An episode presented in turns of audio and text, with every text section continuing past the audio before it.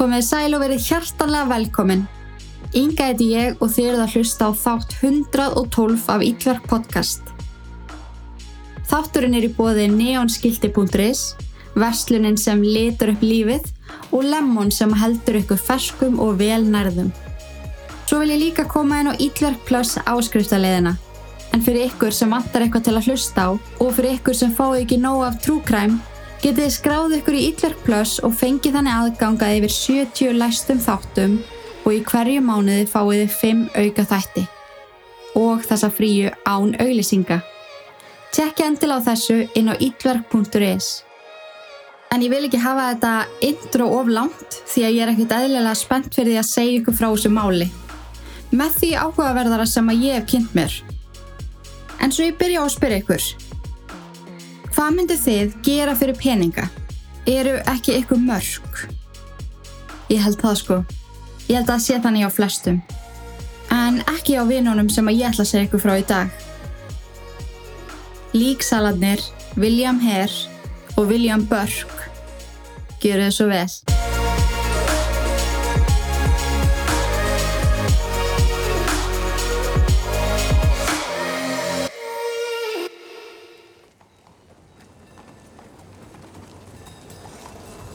Við erum staðsett í Edinborg árið 1927. Borgin hafði breyst í yðnaðamiðstöð. Þeir ríku urðu ríkari með vaksandi viðskipta og samgöngutækifærum og í kjölfar þess sköpuðust fleiri atvinnutækifæri fyrir þá fátæku. Prentsmiðjur risu á hverju göduhotni.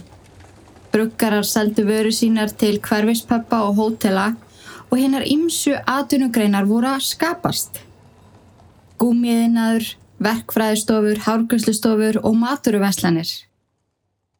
Miðbarinn milli Princess götu og George götu var stórt verslunar og viðskiptasvæði og yðaði torkið af lífi.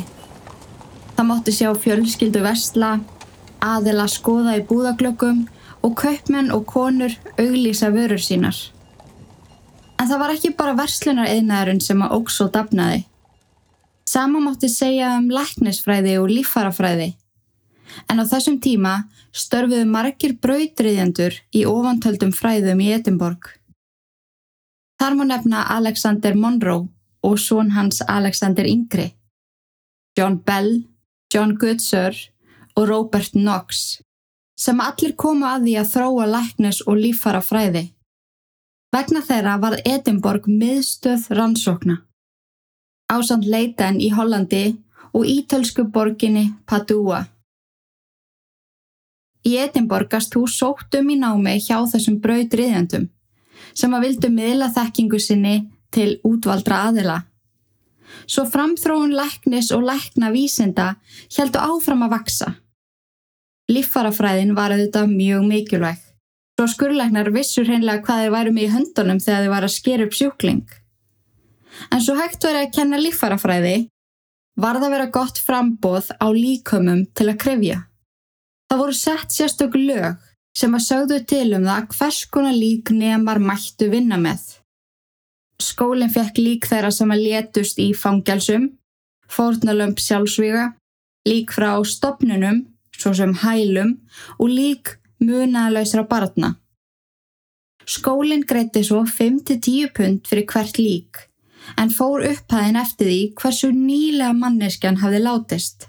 Það var svo greitt meira fyrir unga konur og börn. Læknisfræðin var vinsalli með hverju árinu sér leið og hópur nema stækkaði sífælt. Það var því mikill skortur á líkum til að krefja. Ef að nefnarnir lærðu ekki líffarafræði, gáttu þeir ekki haldi áfram í náminu sínu, svo skorturinn tafði nám þeirra talsvert. En þetta frettist svo út að það vantaði lík til að krefja. Orðið á gödunni var að ef maður gæti nú bara reglulega sendum lík, þá er þið sá hinn sami ríkur. En engum helvita manni datt það í hug að fara með þetta lengra. Þetta var bara grín sem að fólk skiptist á þegar það mættist út á götu og rætti læknaskólan. En eins og gengur og gerist, þá eru við ekki öll helvita. Það voru aðelar sem heyrðu af þessu og hugsuðu sér gott í glóðurinnar. og það fór að færast verulega í aukana að grafir voru rændar og líkin seld til skólans. Þetta var það algengt vandamál að reysa þurfti turtna í kirkugörðum og aðili ráðin til þess að standa þar dag og nótt og fylgjast með. Fjölskyldur tóku það líka upp að leggja nýþungar stálplötur ofan á leiði ástverða sinna í ákveðin tíma eða þar til líki var pottitt rótnað. Það þekktist einni að áður en kistan var jörðuð letu fjölskyldur smíða járngrind utanum hana sem er þið ansi mikið vesen að brjóta upp ef eitthvað ætla að ræna gröfuna. En ástandi var líka erfitt lagalega séð. En það að eiðilegja gröf var ólöglegt og líka að stela til dæmi skarkripum af þeim látnu var ólöglegt. En það var ekki ólöglegt að ræna líki per se. Lög sem að gáðu þeim William Burke og William Hare ansi góða viðskipta hugmynd.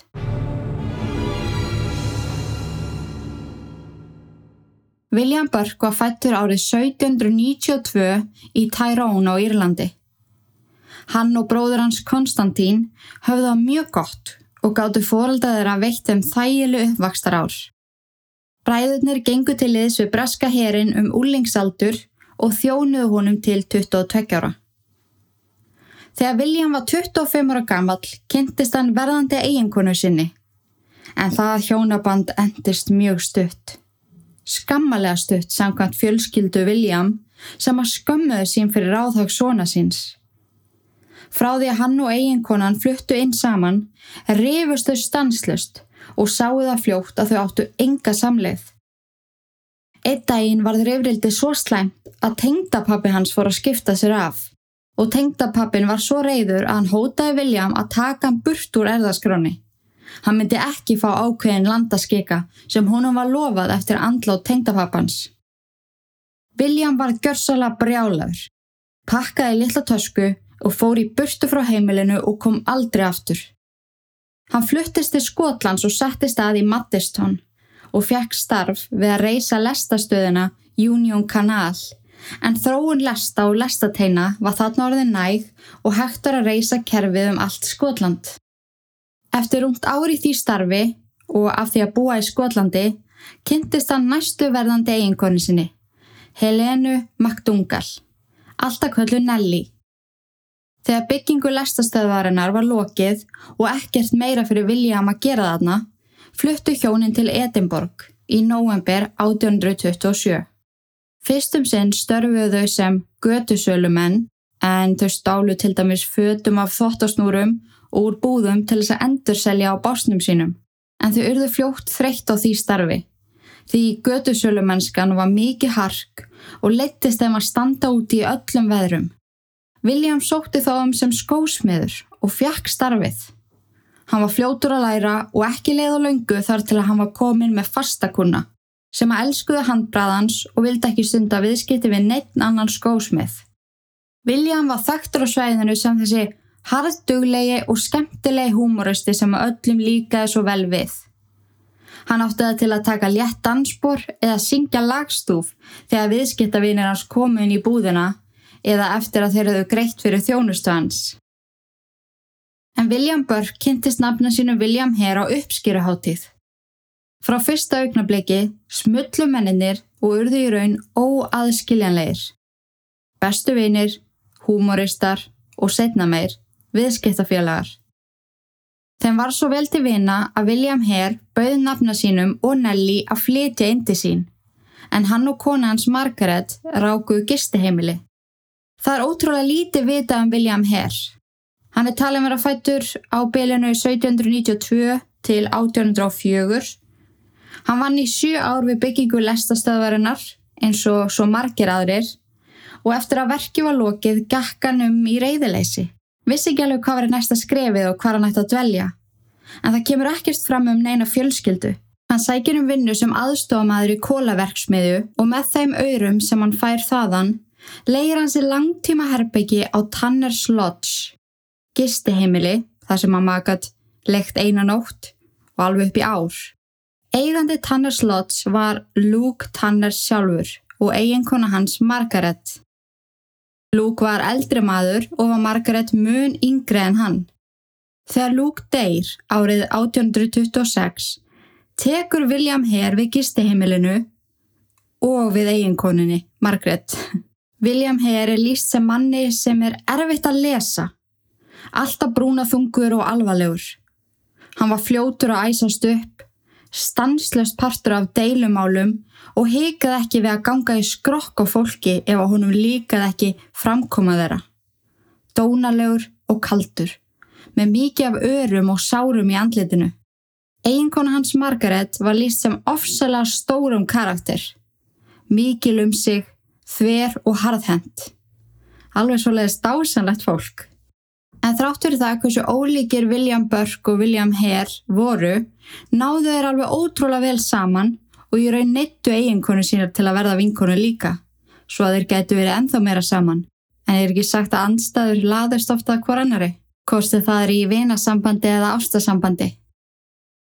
En svo við snúum okkur aftur á árinu 1827, eftir að William Burke og Nelly voru flutt inn á gisteheimili til vinahjóna sinna. Öll kvöld sátuðu saman og drukku. Stundum bara þau fjögur, ef að það var rólegt á gisteheimilinu, Stundu sátu með þeim rónar og vendiskonur sem komu köld inn á götunni eftir að hafa heyrt gleðskap inni og stundu var matsalurinn fullur af gestum. En aldrei klikkaði það að vinahjónin sátu við drikju, spjalluðu og hlóu. Þann 29. november árið 1927 kom upp ansi leiðilegt atveika á gistiheimilinu. Donald nokkur hafi leikt herbyggja á Tanners Lodge og beigðan óþraufullur eftir greiðslu frá hernum. Hann var eldri maður, laungu hættur að vinna, en fjóru sinum ári fekk hann greitt her lífeyri. Hann lofaði William Hare að greiða þessi fjögur pund sem hann skuldaði um leið og hann fengi greitt. Hvort það væri ekki lægi að hann væri á gistiheimilinu þanga til, því hann hefði ekki að stannað að fara. William Hare samþýtti það, þó með trega. Hann kunni illa við að lána fólki og vildi fá greiðslu fyrir herbygginn strax. En fjögur pund voru fjögur pund og daglega bankaðan hjá Donald og spurði hvort greiðslan væri komin. Þann 29. november fekk William ekkert svar þegar hann bankaði hjá Donald, sem yfirlegt kallaði til hans að koma inn. Eftir nokkuð bönk og engin svör, óðu William inn í herbyggið og kom þar að kallinum dauðum í rúminu. William kifti sér ekki mikið upp við það að líf mannsins væri búið, kannski eftir maðurinn fjölskyldu sem að myndi sakna hans, Hann var ekkert að hugsa út í það. Hann var mjög argur yfir því að Donald skildi drepast áður en hann borgaði leiguna. William rótaði dóti gamla mannsins í leita peningum. Í fórum hans var ekkert bitastætt og virtist á öllu að William hafi þarna hreinlega tapað fjórum pundum og þyrti nú að sinna því leiðinda verki að losa sig við líkið og láta þrýfa herbyggið hátt og látt. Hann kallaði nafna sinn og barðið undir hann. Hann væri nú ekki til í að tapa fjórum pundum. Hvort það væri ekki eitthvað sem þeir getur gert. William Burke var ansi fljótur að koma með hugmynd, sem gætt skilað tvöfaldri skuld Donalds. Þeir ættu auðvitað að fara með líki á sjúkrásið og selja það til lækna á lífræðiprófessoruna. Það væri mikill skortur og líkum til að krifja. William Hare fannst þetta frábær hugmynd, en þeir veltuði fyrir sér hvernig þeir ætti að ferja líki á spítalan án þess að eitthvað tækja eftir þeim. Þeir fengu þá hugmynd um að hafa samband við útvarastofu sem var varðum út um kistu og ætluði sér svo að koma daginn eftir að fjarlæga kistuna og líki sem var ofan í henni. Útfarastofan kom líkinu fyrir ofan í kistunni, lagði hendur Donalds í krossu, bróstans og signaði yfir. Þegar útfarastofinni heldu svo að kvöldi er þið minningastund til heiður Donalds og þess vegna sögðust þeir alltaf koma daginn eftir og sækjan. Um leið og útfarastjórum var farin tóku nafnandi Donald upp á kistunni og földi hann undir rúmi.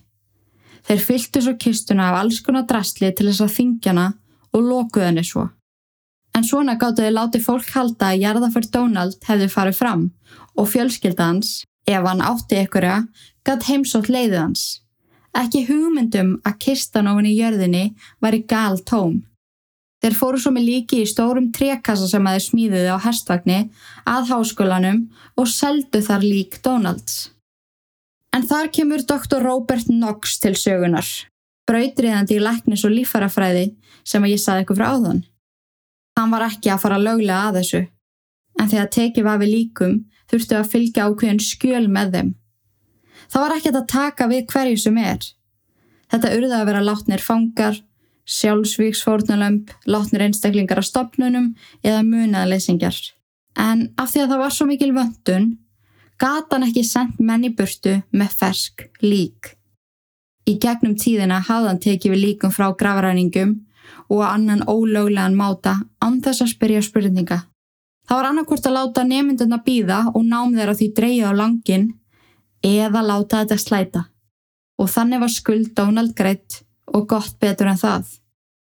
Nafnanir komist ekki hjá því að hugsa með sér. Wow, þetta var ansi auðveldu peningur. Grínið sem að hyrðist ofta á markaðstorkum Edinborgar.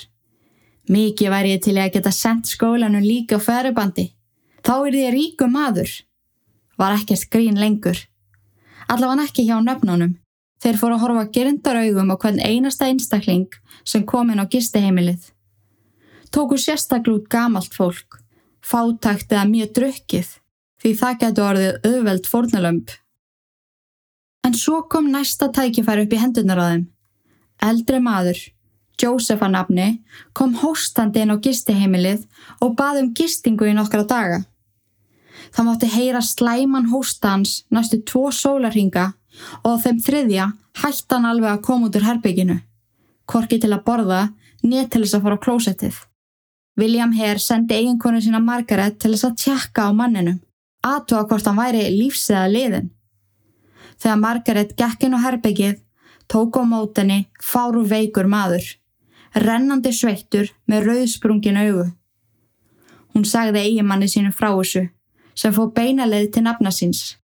Þeir sammældust um það að fársjúku gestur myndi fæla aðra frá gistiheimilinu. Þetta væri sérnlega slæmt fyrir businessin. Hvað ef hann myndi nú smita alla? Þá er þann að loka búlunni. Þeir ákveðu því að þeir yrðu að drepa Joseph. Svo ætluðu þeir að fara með líkið og selja það á háskólaspítalanum. Joseph þeirst ekki að þjóslengur, orðspór gistiheimilisins heldist gott og þeir grættu pening. Þeir hafðu alveg heyrst verra plan á æfisinni. Þeir fóru saman inn á herbyggi Jósef og þegar hann römskaði söðustur af að heyrsta veikindum hans og ákveða færunum viski. Það myndi nú aðeins illjónum um kroppin og rýfa í hálsin. Þeir ganga nær rúminu, líta hvort nú annan og ráðast svo til aðlögu. William Hare stekkur klófið ofan á bringum mannsins til þess að halda höndum hans kjörum og William Burke leggur hendur sína yfir við Joseph. Fársjúki maðurinn hafði ekki mikinn styrk til þess að berjast á móti og var hann látin nokkrum mínutum setna. Þeir komu líki Joseph fyrir í viðakassanum, bára hann út á hestvagn og riðu á háskóla spítalanum. Í þetta skipti fengu þeir tíu pund fyrir líkið og laumaði Dr. Knox því að þeim að hann geti alltaf þegi lík.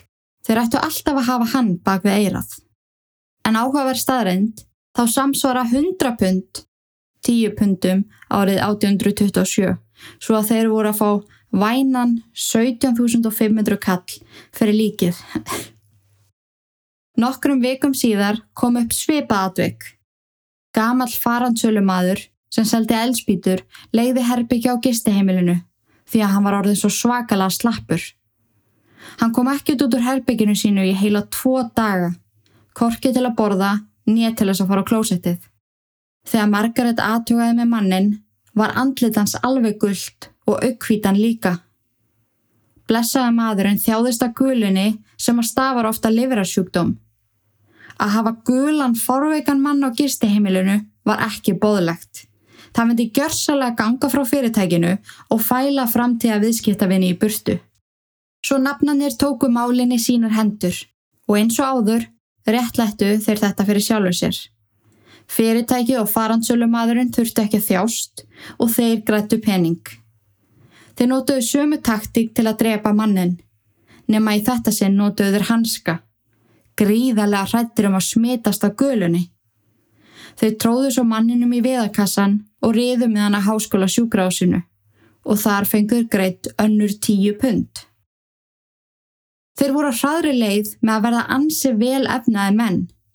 Þau gáttu keift sér nýjustu tískuflíkunar og nýja skó, ásandi að gera vel við konuna sínar í mat og drikk. Fólk sem að þekkti til þeirra varð forvitið. Vitandi það að William H. og William B. voru ekki efnaði menn og hvernig stóða eila á öllum þessum herrlega heitum. Þeir útskýruð fyrir fólki sem að spurði að þeir hefðu fengið arðgreitan út eftir andlátt fjölskyldumæðlims og nú væri þeirra njótans. Þessi útskýring sló á slúrið fyrstum sinn en með tímanum fór að koma upp fleiri undarlega atvig sem að hrindu af stað enn meira slúðri. Kvöldið 12. februar 1828 satt William Burke á bar og drakk. Hann gerði þetta stundum og endaði svo kvöldi á því að kaupa sér viðskipti af vendirskonu. En þetta kvöld fangaði eldgumil kona aðtegli hans. Hann hugsaði með sér hvað ætli svona rosalega gömul kona sé að gera hérna? Svona seint um kvöld og ákvaði rölda til hennar og spjalla við hana. Kona var greinilega búin að sporður hennar nokkrum.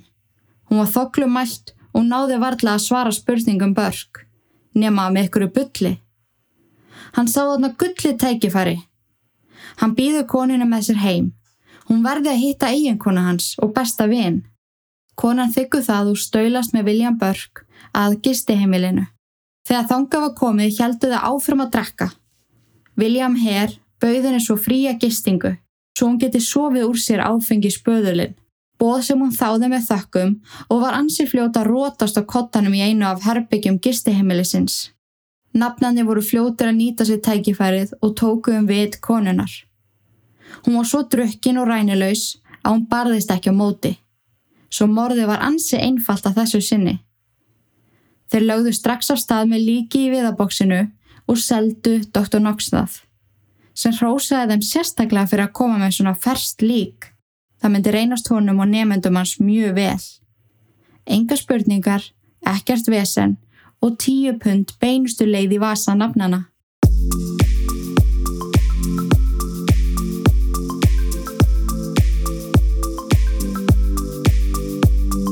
Vantaði gjöf fyrir vinkunniðina sem á allt? Eða langar ykkur að gera Instagram vænan vekk heima hjá okkur? Hvernig var að gefa vinkunninni neonskildi með nafnin hennar eða uppáhaldskvótun hennar? Skella svo Instagram vekkin heima hjá okkur kunnug staðháttum? Nei, ég segir svona. En neonskildi eru geggilegði til að skreita heimilið, vinnustæðin og til þess að gefa í gafir. Kíkja endilega inn á neonskildi.is og pröfið að búa til eitthvað eigið skildi. Þið veljið stærð, letur, lit og festingar. Geti haft þetta algjörlega eftir ykkar höfði. Með kóðanum ynga 5000 fáið þið 5000 krónu afslátt af öllum skildum út ágúst. Endilega nýtið ykkur það. Gerum heiminn litríkari. neonskildi.is Í april 1928 rakst William Burke á tvær ansil laglega dömur í sinni reglilegu pöpparöldandi vandiskonu þurfandi leit. Þær sátu saman á bar og spjölluðu. William Burke sendið þeim drikk eftir drikk þar til hann ákveða ganga yfir þeirra og kynna sig.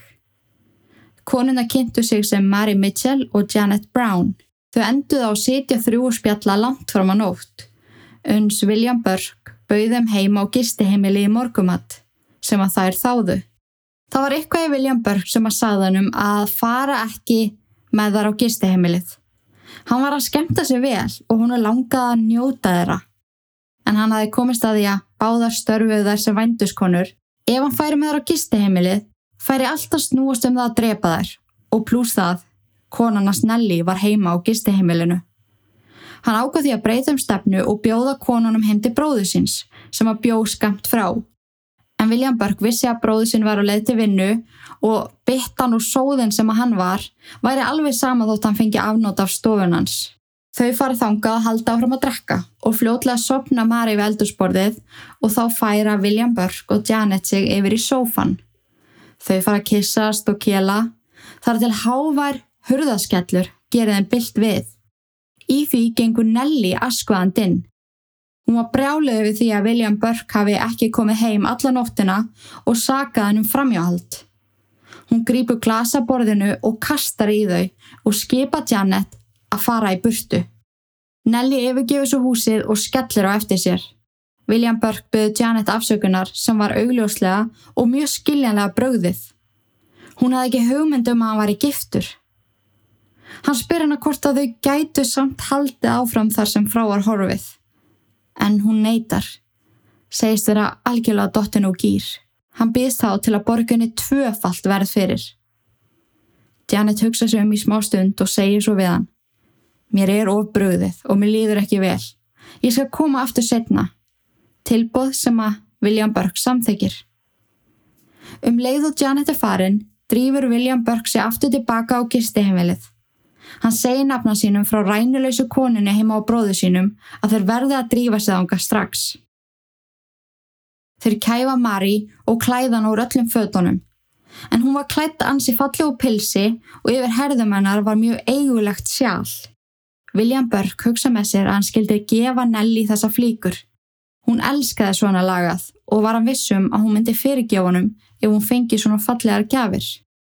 Dr. Knox var verulega ánæðið með líki að Mary, en það ekki á hverjum degi sem hann fekk inn svona unga konu til að krifja. En Mary var líklegast á aldurspilinu 17-19 ára gömul. Fyrir hana fengur nafnandi greitt 12 pund og voru ekkit eðlilega sáttir. William Haar var í mjög góðu skapi eftir þetta. Hann var í það góðu skapi að hann bauð William Burke 7 pund af gróðanum fyrir það að hafa lokkað þessa stelpu með sér heim. Hann sagði að hann væri snillingur og ætti góð laun skilið. Það kemur ekki fram hvernig Nelly tók því þegar Burke kom færandi hendi með flíkur döðrar konu og gafinni en hún virðist allavega að hafa fyrirgifið honum þar sem að þau heldu hjónabanduna áfram og átt hún eftir að aðstóða eigimann sinn við framtíða glæpi.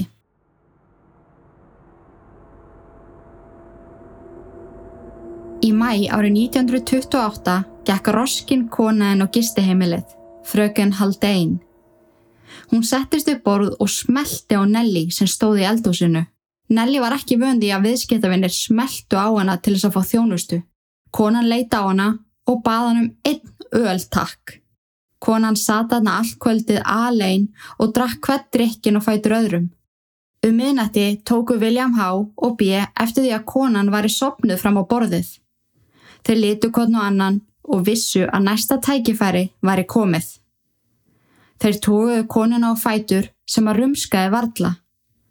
Fóru með hana inn á eitt herbyggið og kæfð hana. Þeir henda henni svo ofan í viðakassan og fóru með hana strax um morgunin upp á háskóla spítala. Knox var ansi ánaður og greitti þeim tíu pund fyrir rosknu konuna. Ótrúli tilviljun en næstu því slettum sjö mánuðum síðar, það skeikaði ángrís nokkrum dögum, þá kom dóttir fröken Haldein á gisteheimilið. Hún drakk, sopnaði fram á borðið og voru örleg hennar þau nákvæmlega sömu og móður hennar. Eina sem var öðruvísi var að Dr. Knox greitti aðeins 8 dollara fyrir lík hennar. Þeir frömdu tvö morð til viðbútar, þar sem fórnalömpin koma á gisteheimilið, drukku og voru myrst. En í júni frömduðu hróttalegasta morði til þessa, þegar þeir urðu barni að bana. William Burke var einn daginn átan að báta sinna erendum í bænum. Það pekkar svo í hann eldri kona með ungan stráki eftirdrægi. Konan segist vera nýja á svæðinu og spyr til vegar. William Burke sér þarna kjörið tækifari. Hann segir að það sé ekkert mála vísinni til vegar og spyr svo í kjölfarið hvort þau vilja ekki kíkja til hans á gestiheimilið og þykja þar mat og drikk. Hann getur svo kynntu fyrir hverfinu. Gamla konan og tólvara strákurinn sem að rendist vera sonasónur hennar þáðu bóðið og fylgdu William Burke heim á gistiheimilið. Þar fenguðu heita máltíð og nafnanir báruti konunar hverti viskiglasið á fætur öðru. Hún var svo drukkin að nafnanir buðan að leggja sig inn í einu herbygginu. En þá kom upp eitt vandamál. Hvað ætluðu þeir að gera við strákin sem að skildi ekki alveg hvað var í gangi?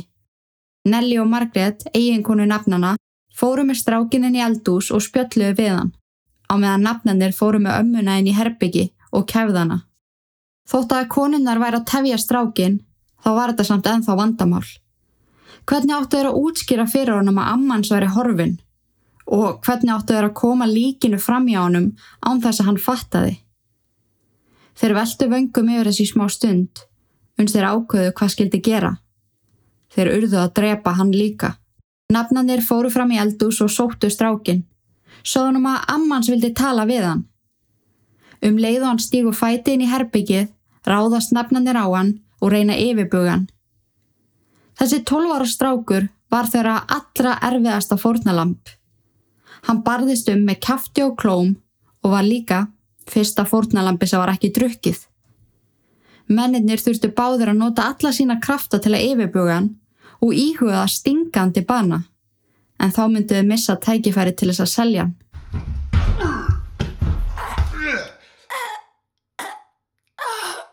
Nafnandi náðu að lokum að kæfa hann og lögða hann í rúmi hjá ömmu sinni.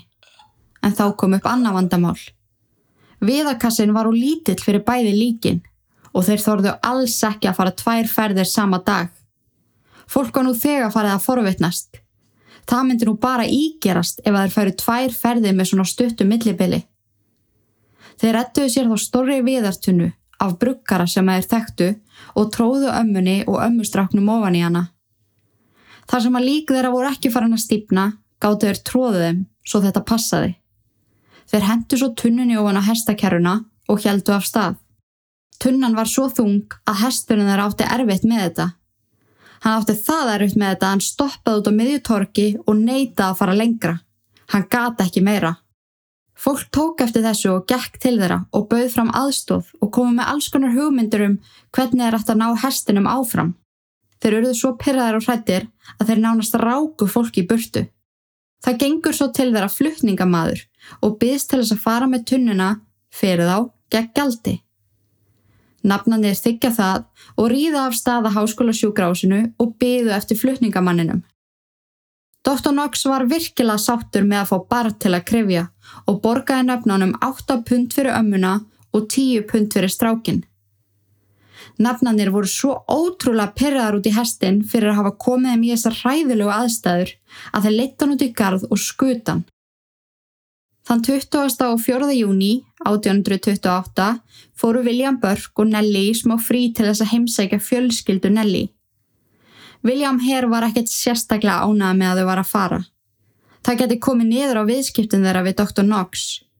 Hvað ef hann fyndi einhvern annan til að kaupa líkað? William Burke saðist verða að fara með konunni sinni. Hann yrði að sinna hjónabandinu líka.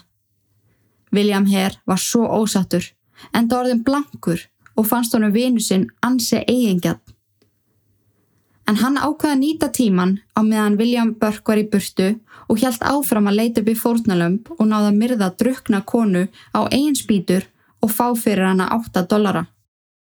Þegar William Burke kom aftur heim og nafni hann sagði honum frá því að hann hefði haldið viðskiptunum áfram, reyttist William Burke verulega. Hún fannst fárlegt að hann hafi haldið áfram án hans og tekið sjansinn með að gera þetta einn. Út frá þessu var það alveg resa reyfrildi á milliðra sem endaði með því að William Burke og Nelly fluttu út af gisteheimilinu. Það leiði smá tími áður en þeir rættu saman aftur, en þeir voru bestu vinnir og söknuðu hvors annars. Þeir ákveðu að hittast á bar og þar sættust þeir og tóku þar ákverðun um að halda áfram sem viðskipta félagar. Þetta væri hreinlega of auðveldu peningur til að hætta. Þeir myrstu tvær konur á einni viku og seldu lík þeirra til Dr. Knox.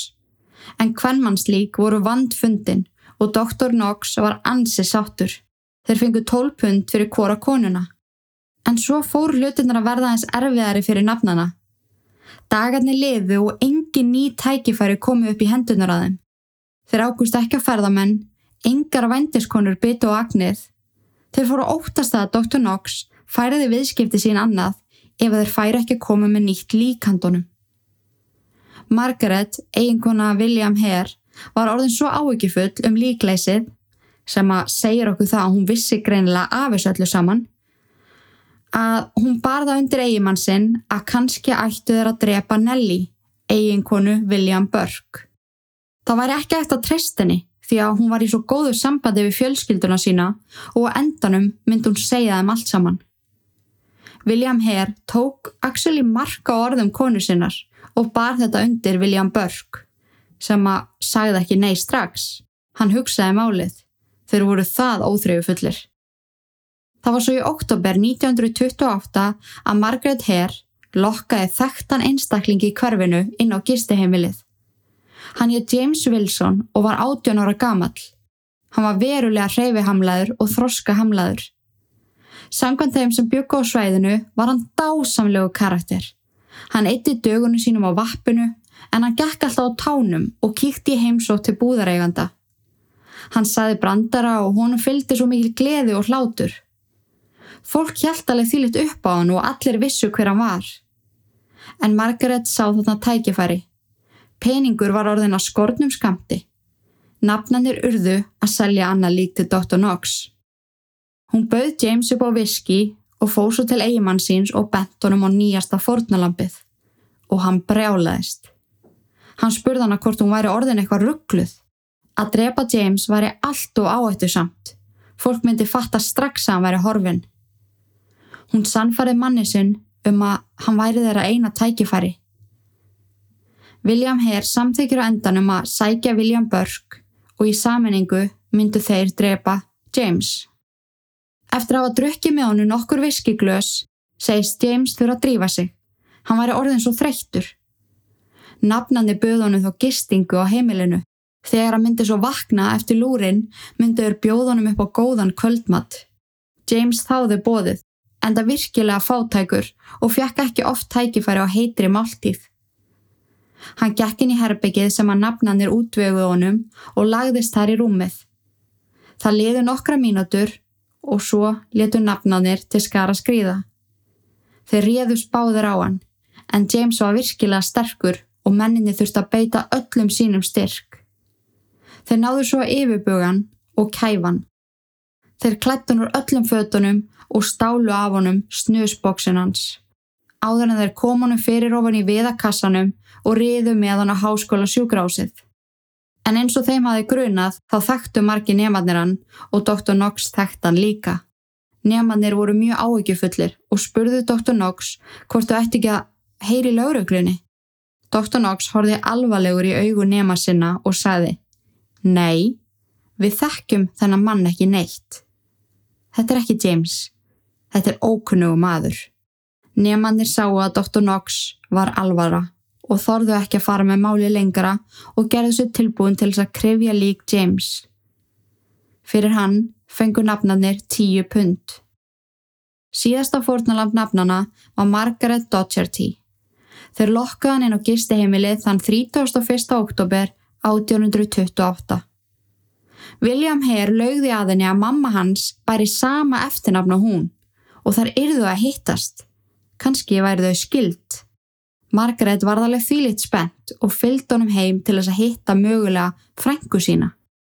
Þegar þau mættu á gisteheimilið var mamman svæntalega ekki þar. Hann sagði henni að hún hefði sennilega skroppið og hún kæmi fljótlega aftur. Hann bauð Margaret að tilla sér og sótti eiginkonu sína sem að heldi í glös fyrir þau. William sagði svo að skjótast út í búð og kaupa meira viski en hann var í raun og veru bara að sækja William Burke svo hann geti hjálpað. Nafnarnir, eiginkonur þeirra og Margaret sátu langt fram eftir og drukku viski. Þau hlóðu mikið og um stund glemdu nafnarnir tilganginu með þessu öllu saman og skemmtu sér áhugjulöysir í örlöfla stund. Það gengur svo henn á gisteheimilið tveir ferðalangar, þau Ann og James Gray. Þau keiptu nótt á gisteheimilinu, tiltu sér svo hjá fólkinu og drukku með þeim. Þegar kom svo að því að fara að sofa, örðu nafnanir mjög stressaðir. Parið sem kom inn, þau Ann og James, tóku eina lausa herbyggið. William Hare tók það afsýðis og spurði hvort að þau væri til að leifa Margaret að sofa í herbygginu þeirra. Hann myndi búa um þau í setustofunni. Parið sagði að það var ekkert mál og heldu að William Hare væri með velferð gömlu konunar í huga. Nafnanir fóru svo með Margaretin í herbyggi og kæfðu hana til bana. Þeir voru svo druknir og líka hálf fastirinn í herbygginu þar sem parið var fram í setustofu. Þeir ákveðu því að geima það að fara með líkið til morguns. Þeir hendu líkin á golfið við enda rúmsins og fóru sjálfur að sofa. Dægin eftir þegar Ann og James vöknuðu fóruðu henni í herbyggi sitt og sáu þar nafnana steinsofandi og lík Margaret við enda rúmsins. Um munn hennar var blóð og augu hennar voru opinn. Þau bökkuðu skelkuð út úr herbygginu og hlöpu beint í fang Margaret, eiginkonu William Hare. Hún vissi vel hvað þau hafði orði vittni af. Hún fjalliður á hnén og gráð baða um að segja ekki neitt. Þau gengu fram hjá henni og sögist alltaf að gera lauruglu viðvart. Margaret bauðum þá tíu pund ef þau myndu þeia. Þau þáðu þau ekki og hlupu eins rattuðu gátu á lauruglustöðina. Þar sögðu þau frá öllu sem það hefðu séð og það þurfti að rannsaka gistiheimilið strax. Á meðan vakti Margaret nafnana og saði um að drífa sig af stað. Parið allir til lauruglunar. Þeir drifið sér á fætur og komu líkinu fyrir í viðakistunni og riðu af stað á háskólasjúkrásið. Þar fenguður 8 pund fyrir líkið. Þegar þeir koma aftur heim beigði lauruglan eftir þeim. Lauruglan tók William hér afsíðis og spurði hann hvar gamla konan væri. Það sem hann vissi ekki var að eiginkona hans var búin að ljúa sögu að lauruglunni um hvert gamla konan hefði farið. William Hare saði aðra mjög ólíka sögu sem að gerði það verkum að lauruglan handtók þau og fór með þau upp á stöð þar sem að yfirheysla fór fram. Sama dag fór lauruglan með pari sem gerði þeim viðvart á háskólasjúgrásið og þar dregu Dr. Knox lík Margaret út úr líkkelli og þar staðfesta þau að þetta sé konan sem að þau sáu kvöldi áður. Nafnanir hafði í heldina myrt 16 einstaklinga á rúmu einu og hálfu ári og selt líkin en allir viðriðinni málið neituðu sög. William Hare sagði að minni hans væri mjög slæmt þar sem hann drekkur svo mikið viski. Hann er alltaf með viski á náttborðinu og fæsir sopa um leið og hann vaknar, svo drekkur hann allan daginn. Ef hann myrti eitthvað, þá hefur hann gert það undir áhrifum, því hann man alls ekki eftir að hafa gert það. Þann 3. november 1828 var gefin út heimil til gæsluvarðhalds yfir nöfnunum og einkonum þeirra. Þeim grunuðu var haldið í sikkur og lægi og þau yfirheir tímanum saman. Sögur þeirra stanguðust verulega á. Meira segja þeirra eigin sögur sem að þau hafðu sagt nokkur undugum áður voru ekki að ganga upp. Eftir rannsókn og líki Margaret kom í ljós að hún var keft til banna en það var erfitt að fullir það. Þráttur það voru nafnanir og konuna þeirra ákjærð fyrir morð. Í kjölfari var rætt við Dr. Knox en hann hjælti fram að hann hafi gert samningu í gistiheimili bæjarins. Ef að ykkur deyr og enginn kemur að sækja líkið, far hann að kaupa þau. Það sé skorstur og skólinn þurfi lík til að krifja. Á þessari stundu var ekki að handtaka nýja yfirheyra, en setna átt eftir að koma í ljós hvernig hann smegði sig fram hjá lögunum í öll þessi ár. Þegar málnafnana var gert ofinbert, fór fólk að tala. Margir myndust þess einmitt að hafa séð á með þessa undalegu viðakistu. Engin skildi hvað er voru að flytja í henni. Líka því að fólku vissi að í grunninn var William Burke skósmiður og William Hare að gisteheimilið. Svo hvað var í þessari kistu? Það var einni lagt öll född fórnalampana sem fundust á gisteheimilinu á stóran dúk á markastorkinu og þar gætt fólk komið og skoða þau. Mögulega bóri kennsla á fött ástöðuna sinna. Janet, unga vendiskona sem var næstíði búin að sofa hjá William Burke, bar kennsla á klæði Mary vinkonu sinnar og bakari í hverfinu bar kennsla á klæði Jamie Wilson. Ákjærur fyrir morði á Mary og Jamie bættust á við fyrri ákjærur, nafnana og eiginkvenna þeirra.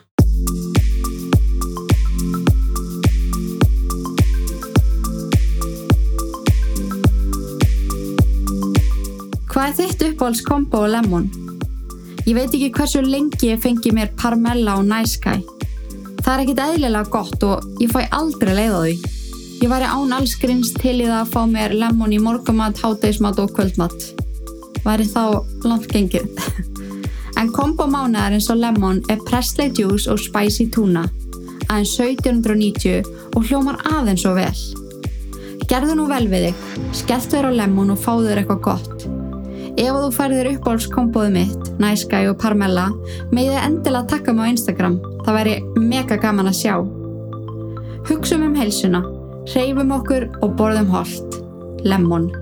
By the way, Suðurlandsbröytin er langt besti lemonstæðurinn. bara segja ok, bye.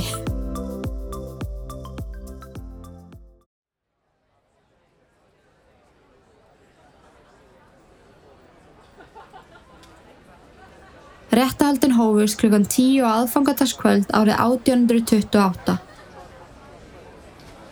Fólk hópaðist fyrir utan dómshúsið en frettir af málinu fóru eins og eldrum sinu og langaði fólki að fylgjast með.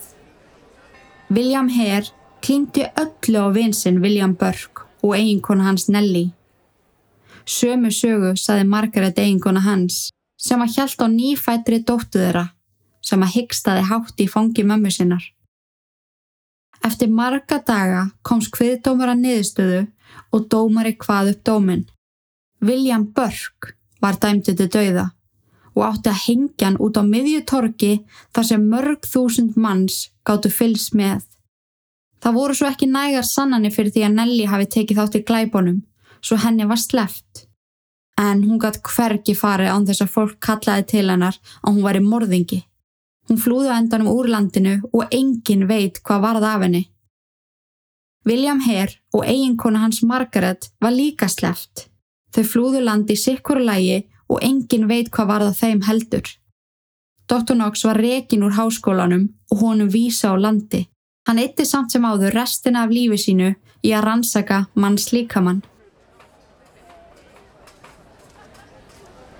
Þann 28. janúar 1829 var William Burke hengdur fyrir framann 25.000 manns. Beinagrind hans var gefin til háskólasjúgráðsins þar sem hún var varðveitt.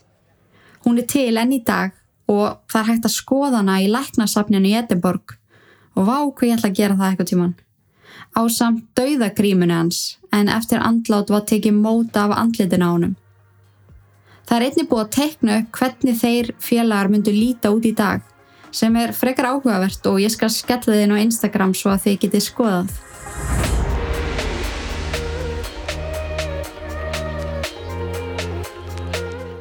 En þannig fór fyrir nöfnunum sem að vildu ekkert meira en að vera ríkir menn. Líksalatnir og morðingjarnir William Hare og William Burke. Takk kærlega fyrir að hlusta og takk fyrir að vera til og í guðanabænum forðist öll ítverk nema þetta podcast. Verið sæl.